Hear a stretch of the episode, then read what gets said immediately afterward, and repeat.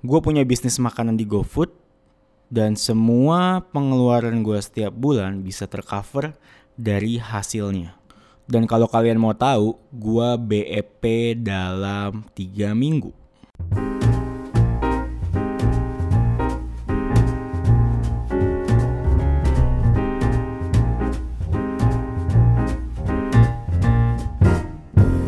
Halo guys, balik lagi sama gue Will Ghost di podcast Sudut Pandang Gue.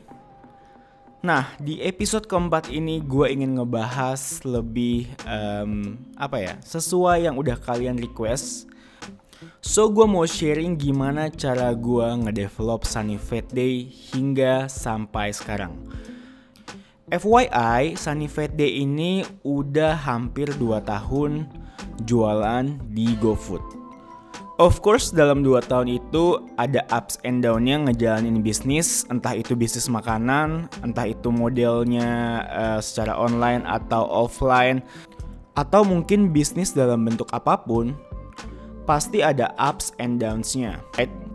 Alright, so sebelum gue mulai um, ngejelasin secara detail dari step pertama sampai sekarang gue mau ceritain dulu um, background uh, atau alasan kenapa gue develop atau gue create Sunny Fat Day. Um, mungkin ada beberapa kalian yang udah tahu cerita di balik Sunny Fat Day, mungkin ada juga yang belum tahu. Uh, basically, gue bikin Sunny Fat Day karena um, kalau kalian udah dengar episode pertama di mana gue bilang uh, gue MBA dan istri gue hamil, well as um, uh, as a human being. Uh, I'm trying to protect my uh, future family so gue kepikiran uh, gue perlu secure um, pendapatan gue lebih banyak lagi per bulannya untuk menutupi semua kebutuhan kebutuhan setiap bulannya susu pampers makanan um, sabun bla bla bla adult things lah Nah, gue kepikiran untuk bikin Sunny Fat Day dijual secara online lewat GoFood karena investasinya sangat kecil. Ketika kalian ingin bikin bisnis makanan secara online melalui GoFood atau GrabFood, yang kalian butuhkan investmentnya nggak akan sebesar ketika kalian bikin cafe atau coffee shop di mana cafe atau coffee shop atau restoran memerlukan biaya investasi yang besar untuk sewa tempat atau beli tempat, untuk renovasi, untuk dekor interiornya, untuk build kitchen yang lebih proper, untuk bikin POS yang um, lebih advance ketimbang kalian jual di online. Jadi the whole package ketika kalian mau bikin restoran atau coffee shop atau cafe, biayanya kurang lebih 5 hingga 10 kali lipat lebih besar ketimbang jualan di online atau Gojek online. So, ketika kalian memerlukan extra money, extra cering-cering cuan-cuan untuk jajan tambahan kalian, entah itu untuk uh, modal pembelajaran pembelajaran kalian di dunia FNB atau itu untuk modal I don't know modal nikah ke atau ya basically kalian ingin produktif gitu kan dan kalian ingin mencoba terjun ke bisnis ini yang pertama kalian harus siapkan adalah tetap konsep. Nggak peduli walaupun kalian hanya jualan di Gojek, konsep tetap harus kalian pikirin. Kenapa? Karena konsep adalah bagian dari identitas dari brand yang kalian ingin bangun. Dengan konsep yang jelas, makanan atau produk kalian akan lebih mudah untuk diterima orang dan ketika orang melihat um, orang akan merasa lebih uh, percaya dengan produk yang kalian jual. Oke, sekarang konsep Sunny Fat Day basic banget. Rice bowl yang terinfluence dengan makanan Japanese, Indonesian, and Chinese. Kenapa gue ambil dari tiga kategori tersebut? Karena menurut gue jenis makanan dari tiga negara tersebut gampang banget diterima sama orang Indonesia. Udah gitu ketika di take away, dari segi rasa, tekstur, dan visual nggak akan berubah banyak ketika makanan tersebut memerlukan waktu kurang lebih 15 hingga 30 menit untuk sampai ke tangan customer. Tapi nggak cuman rice bowl karena masih banyak lagi konsep makanan lain yang bisa kalian angkat dan kalian jual. Kenapa? Karena menurut gue pribadi, rice bowl udah mulai turun karena sayangannya terlalu banyak. Well, emang gampang banget untuk di develop, tapi sayangannya terlalu banyak. So, sebelum kalian bikin, kalian harus pikir-pikir lebih matang lagi. Alright, sekarang kalau konsep sudah kalian punya, konsep sudah kalian pikirin, kurang lebih udah kebayang mau bikin apa mau bikin empe-empe mau bikin bakmi mau bikin soto let's say or mau bikin gado-gado yang let's say kondimennya diganti-ganti yang lebih menarik yang lebih terkesan mahal dengan cita rasa yang kurang lebih sama bisa juga ya kan Nah, ketika kalian sudah menentukan konsep dari makanan yang ingin kalian jual, next stepnya adalah pemilihan nama. Biasanya, nama akan lebih gampang dicari ketika konsepnya sudah semakin terbayang atau sudah semakin jelas terbentuk. Sekarang gue jelasin arti dari Sunny Fat Day. Sebenarnya awalnya gue kepikiran walking box, uh, gampang diingat, ya kan? Konsepnya jelas, uh, container takeaway atau takeaway container makanan yang akan di delivery dari tempat penjualan which tempat gua dapur gua ke customer lewat Gojek. Tapi gua ngerasa kayak kayaknya kurang catchy, kurang kurang gua banget gitu loh. So waktu gua nyetir di tengah siang bolong, gua ngerasa kayak itu udah jam 12 siang. Jam entah kenapa gue lagi lapar banget. Ya hampir setengah satu lah waktu itu gue nyetir. Macet-macet. Kalau macet tuh entah kenapa lapar tuh lebih cepet ya gak sih? Terus kayak gue kepikiran gue lagi uh, sambil nyari nama yang yang yang lebih catchy buat buat bisnis Gojek gue bisnis GoFood gue sorry. Terus gue ngeliat kayak matahari terik banget. Terus gue ngerasa kayak uh, lucu kayak ya kalau nama depannya Sunny tapi nama uh, I mean kata berikutnya apa ya? Gue pengen kayak ada dua kata gitu kan. Terus saat itu lagi hari Jumat kalau nggak salah Friday ya kan.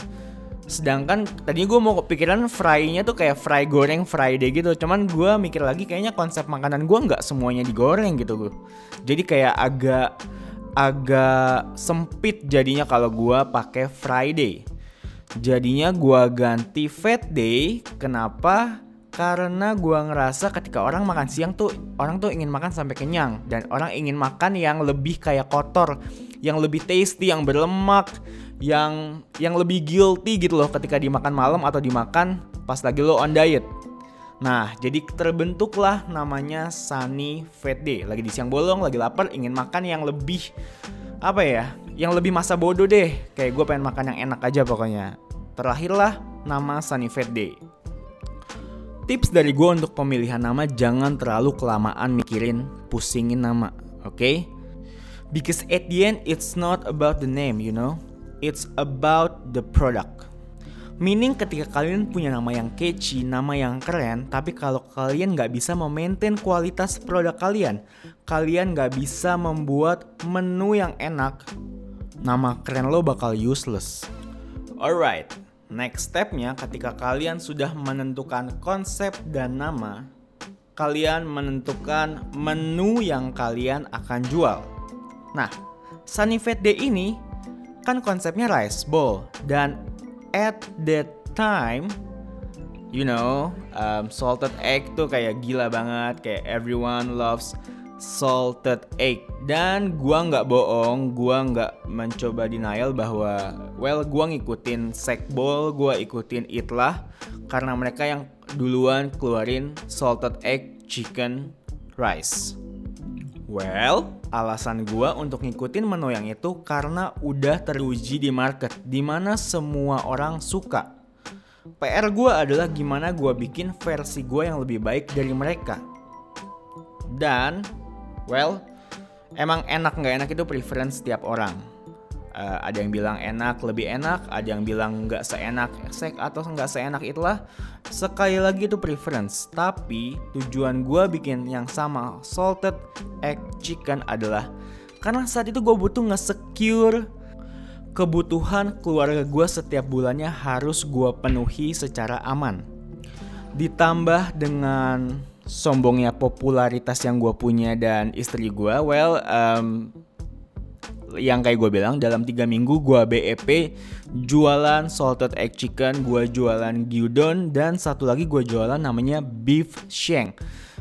So basically salted egg chicken itu lebih kayak ke Singaporean and Chinese uh, kind of cuisine and uh, gyudon dari namanya uh, udah pasti jelas lebih ke Japanese. And terakhir beef sheng ini namanya emang beef sheng Inggris tapi uh, cita rasanya tuh Indonesia banget. Menggunakan bumbu dasar merah dipresto dulu sampai empuk ya kan? Digabungin nasi panas ditambahin uh, sayuran tumis buncis uh, dengan bumbu merah juga. Terus sama sambal mata ya kan? Itu Indo banget dan emang tipikal rice bowl zaman sekarang gitu ya but people love it. Nah, untuk menu ini sendiri kalian jangan bikin terlalu banyak. Kenapa? Karena kalau jumlah menunya semakin banyak, jumlah preparationnya semakin banyak. Kalau jumlah preparation semakin banyak, staff atau tenaga kerja yang dibutuhkan semakin banyak. Luas area kitchen dan tempat penyimpanan bahan baku juga akan semakin besar. Jadi, menu jangan banyak-banyak karena kalian hanya jual di ojek online. Dan sekali lagi tujuan bikin bisnis ini adalah investasinya yang kecil yang membuat kita bisa cepat BEP. So jangan invest terlalu besar di kitchen area ataupun di kitchen equipment. Gue saranin kalian bikin maksimal di awal 5 menu. Gue aja mulai dari 3 menu cukup. Eh enggak sorry, gue mulai dari 4 menu dan hingga sekarang pun gue nggak lebih dari 7 menu dan itu gue rotasi gue gonta ganti meaning kalau uh, eh, gue ngerasa menunya ada beberapa yang kurang laku dan orang bosen bakal gue ganti Nah, kalau menu udah tercipta, kalian udah pilih 4 sampai 5 menu yang mau kalian jual, kalian bikin resep bakunya. Kenapa?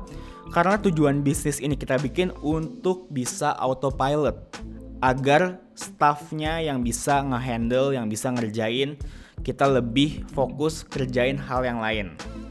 Tapi mungkin untuk di awal kalian harus lebih banyak hand, uh, banyak uh, hands on dan banyak ngatur, banyak supervise. Uh, basically kalian mesti hadir di sana untuk make sure everything goes well. Tapi tetap resep harus kalian bikin dan kalian catat cara pembuatannya secara exact bahkan sampai ke jumlah garam.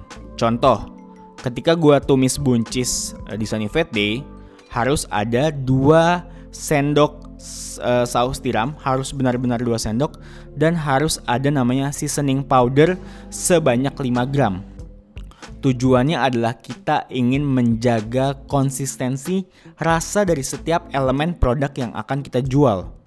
Dan ketika nanti kita mau autopilot, kita sudah punya aset bah uh, bahan baku lagi.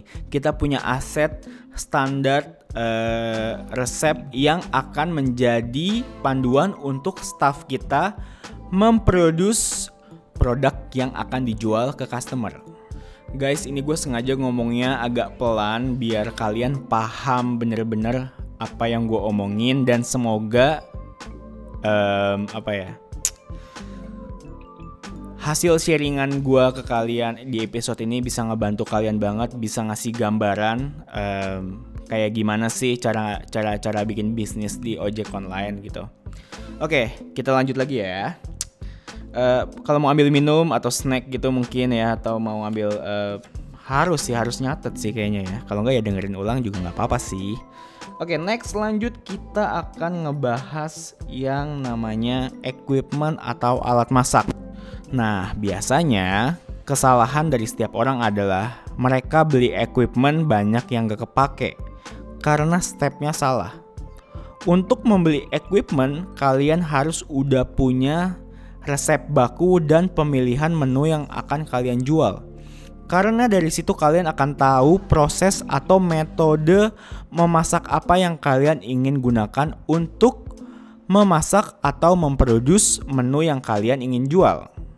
Contoh, salted egg chicken ayamnya digoreng. So gue butuh fryer, entah itu gue beli deep fryer yang khusus untuk commercial kitchen atau gue hanya memodalkan dua kompor dengan uh, apa panci besar untuk ngegoreng ayam ala emak-emak. Tapi gue saranin kalau fryer emang harga nggak bohong beli fryer yang kualitasnya oke. Okay. Basically emang um, kitchen equipment ini mahal tapi harga untuk konteks kitchen equipment harga nggak bohong. Percaya sama gue. Oh, kalau kalian mau cari equipment, kalian bisa ke tempat yang namanya catat nih guys. Toko Dewi di Fatmawati dan juga Tian Leong. Dari situ kalian bisa compare harga dan kalian bisa ngeliat fisik equipment yang kalian perlukan untuk memproduce produk kalian. Atau kalian bisa juga beli di Tokopedia. Ya atau e-commerce lainnya nggak masalah. Lalu untuk salted egg chicken yang gue perlukan lagi adalah gue bikin sausnya, which gue perlu kompor dan emang gue perlu panci untuk masak sausnya, right? Lalu untuk salted egg chicken ini ayamnya kan digoreng tepung. Nah, ketika gue harus nge-mix tepungnya ya kan dengan bumbu A, B, C, gue perlu wadah yang besar. Namanya mixing bowl atau juga bisa pakai hotel pan, ya kan? Uh, ketika gue mau potong ayamnya, gue perlu talenan, gue perlu pisau, um, what else?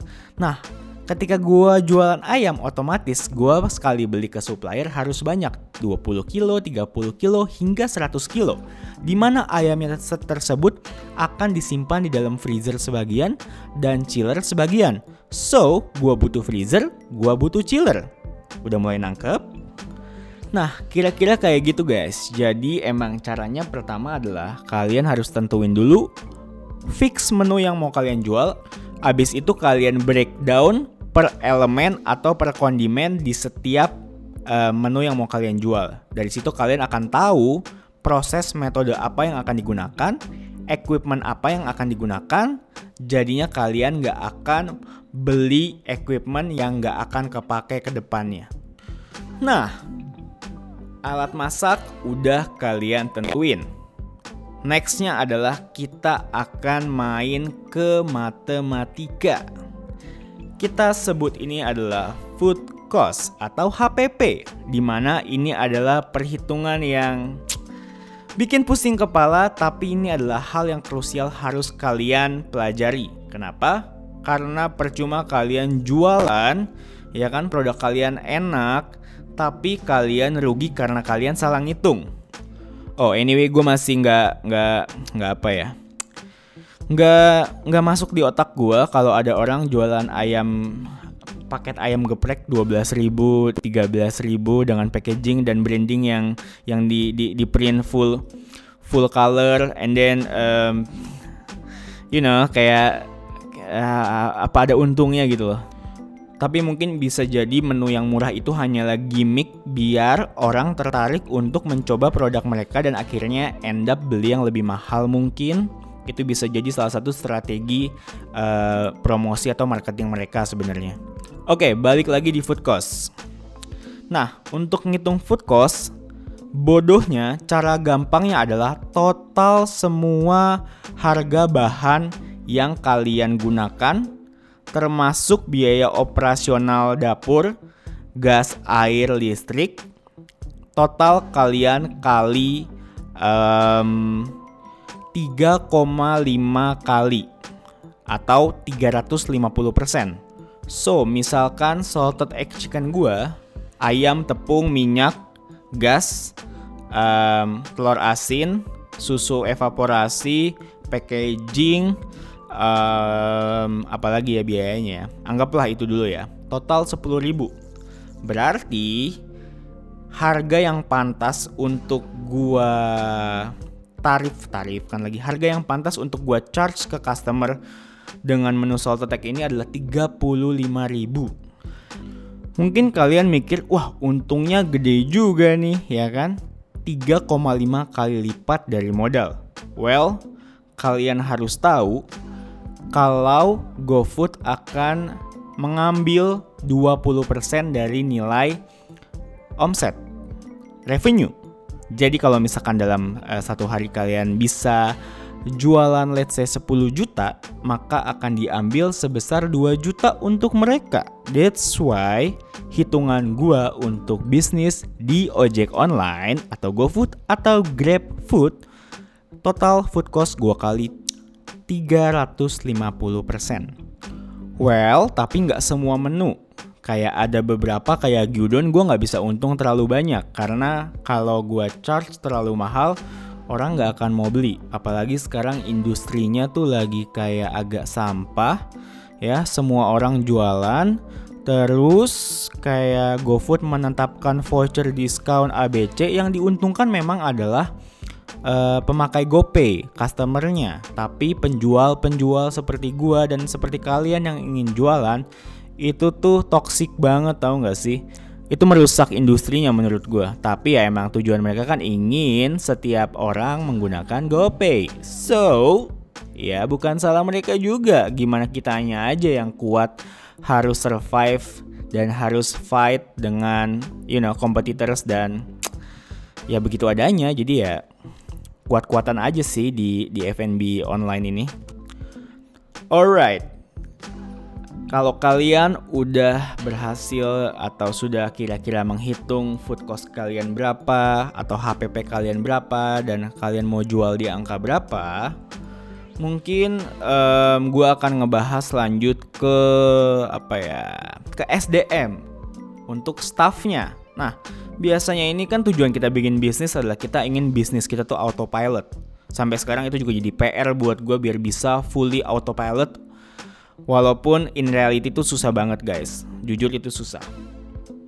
Um, untuk SDM atau staff, mungkin kita bertanya-tanya kapan sih kita perlu hire? Well, kalau kalian emang punya modal yang lebih besar dan kalian ingin langsung bikin sistemnya bagus, jadi kalian ingin langsung hire orang di awal, bisa banget gitu loh Gua saranin mungkin kalian bisa hire dulu 1 sampai dua orang.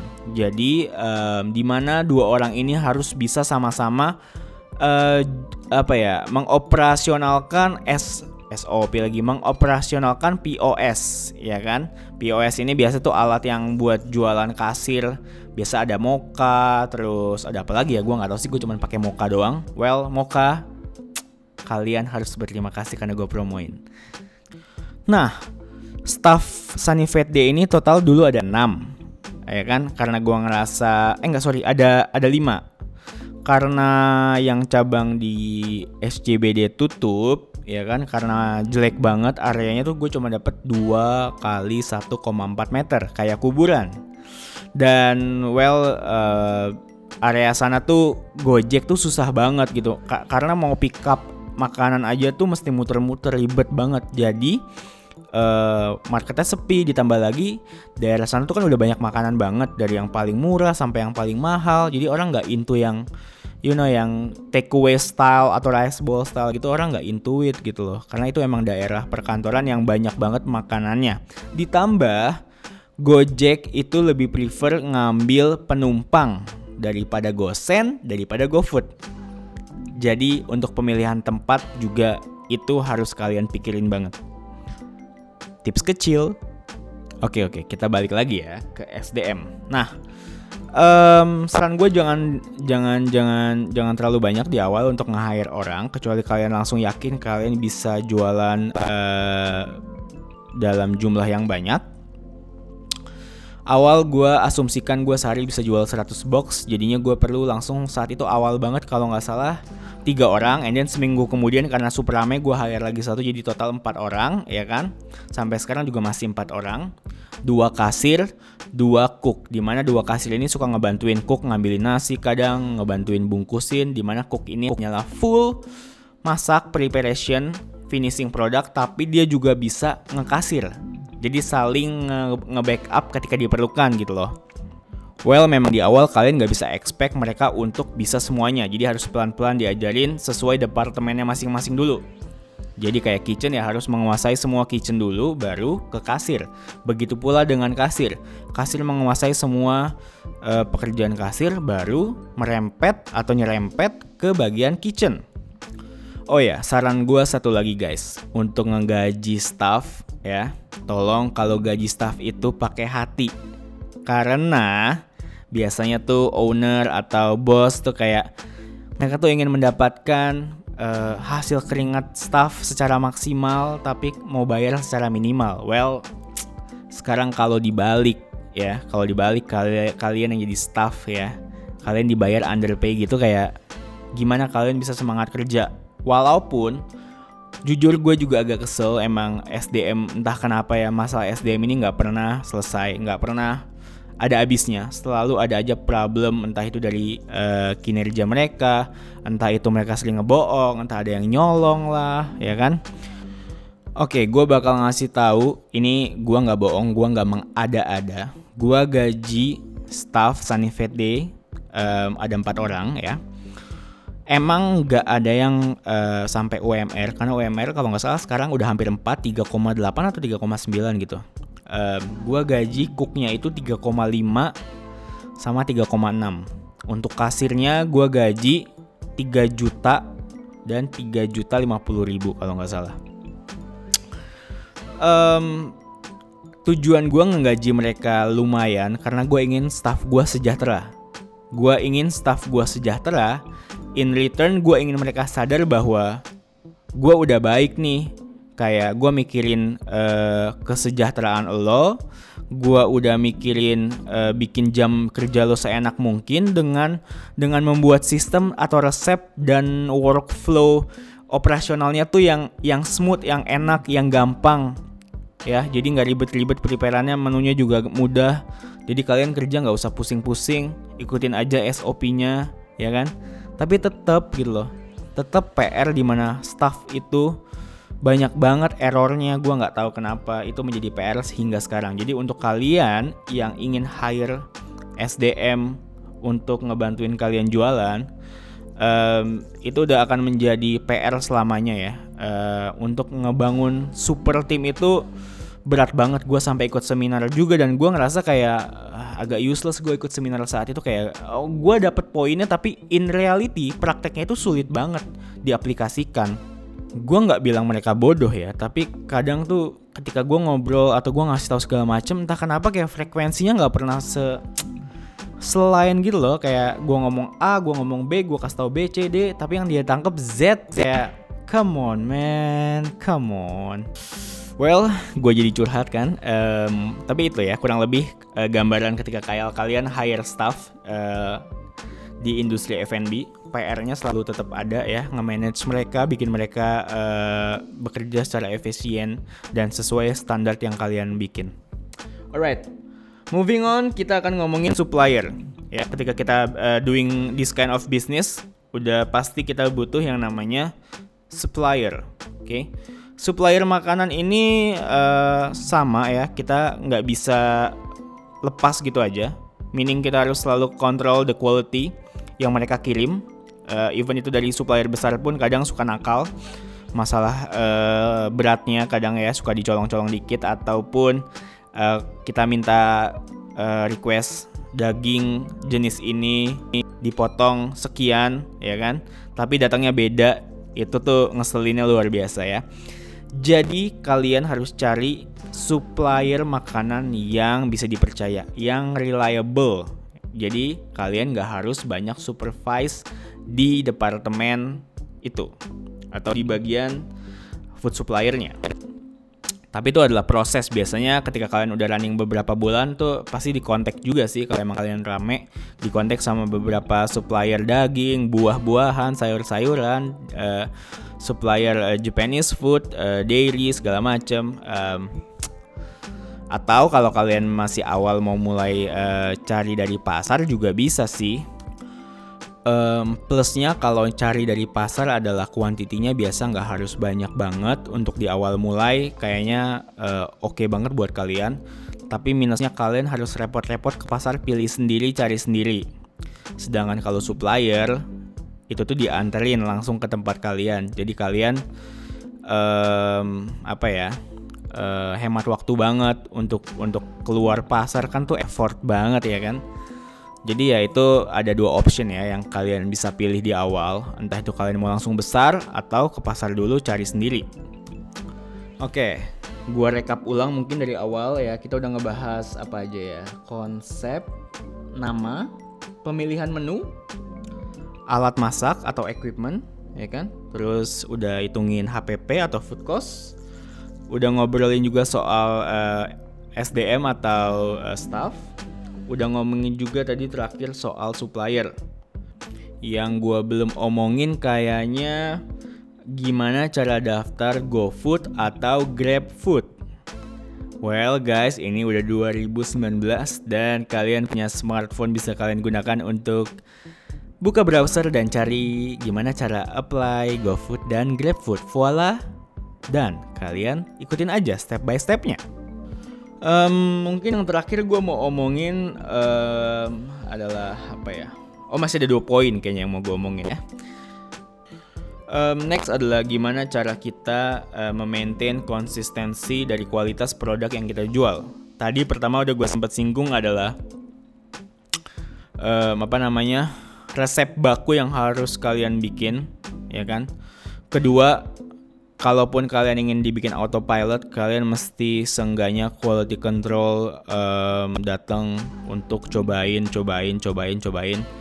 Karena guys, namanya kita rely on someone else, kita rely ke SDM, di mana um, apa ya? Sense of belongingnya tuh nggak mungkin setinggi kalian yang punya bisnis tersebut. Itu udah harga mutlak banget jadi jangan pernah capek untuk selalu uh, supervise mereka, tegur mereka dan well ketika kalian emang mau terjun di dunia F&B yang scale-nya hanyalah di ojek online, well PR day to day-nya tuh nggak akan pernah habis. Tapi seenggaknya untuk running daily basis kalian udah nggak perlu pusingin lagi. Kalian cukup quality control, order bahan dari supplier biasanya, terus kayak sehari datang buat nyobain atau lihat-lihat. Biasa sih itu yang gue lakuin sih. Terakhir gue mau ngomongin plus minusnya ketika kalian mau uh, bikin bisnis ini di saat-saat um, sekarang ini ya. Well, uh, plusnya adalah masih tetap bahwa investasinya yang dibutuhkan kecil, bahkan gue mulai hanya dengan 30 juta di awal. Dan gue BEP dalam 3 minggu dan itu real, gue nggak mengada-ada. Karena omset gue di awal tuh 100 30 sampai 140 jutaan um, ya dalam 3 3 minggu gue udah BEP. So um, apa ya? Uh, untuk untuk untuk BEP masih cukup cepat gue rasa untuk bikin bisnis uh, GoFood saat ini. Uh, minusnya adalah siap-siap untuk bersaing dengan ribuan orang karena bisnis uh, GoFood atau GrabFood ini adalah bisnis yang doable banget gampang untuk dilakukan, mudah dilakukan, ya kan? Uh, kalian nggak harus punya skill masak yang gimana banget sebenarnya ya kan? Karena kalian bisa belajar masak lewat sekarang, guys. Come on, YouTube nggak harus YouTube gue gitu loh. Maksudnya banyak banget kayak creator-creator yang bikin resep-resep yang menurut gue tuh layak banget untuk dijual, untuk dijadiin menu uh, sebuah bisnis makanan atau restoran. Um, ngomongin apa lagi ya? Oh, ini tips kecil ya. How to promote your product. Uh, kalau gue kan emang gue lumayan udah ada audience di Instagram. Uh, istri gue juga udah ada dan gue punya kayak beberapa teman kenalan yang willing to help me to promote my products uh, for free, of course. Da, tapi mungkin untuk kalian ya, untuk kalian yang let's say kalian nggak ada link untuk uh, minta tolong influencers or content creators or apalah itu disebut ya. Um, caranya adalah menurut gue adalah satu untuk mempermudah adalah cari sengganya kalian se ansos ansosnya kalian pasti kalian kenal someone someone yang kenal dengan si content creator atau uh, influencer yang punya audience di mana kalian seenggaknya kalaupun kalian nggak dikasih gratis um, untuk minta pertolongan mereka kalian mau endorse mereka gitu kan seenggaknya kalian bisa dapat diskon lewat teman yang kenal dengan mereka.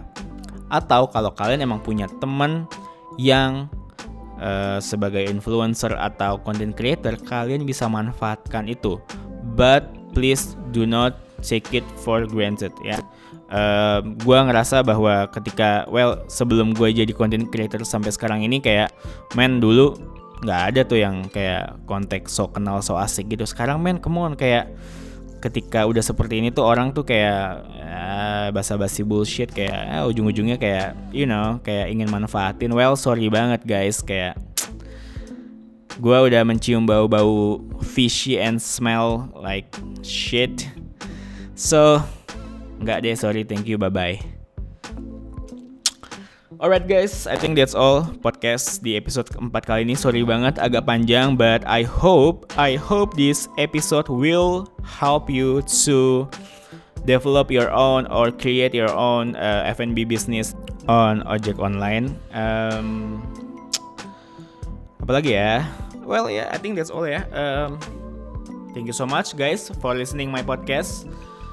Gue ngerasa kayak di episode keempat ini gue lebih nyantai ngomongnya lebih chill lebih relax um, dan gue rasa itu adalah salah satu soft skill dari segi atau dari sisi komunikasi yang gue rasa gue bertambah baik.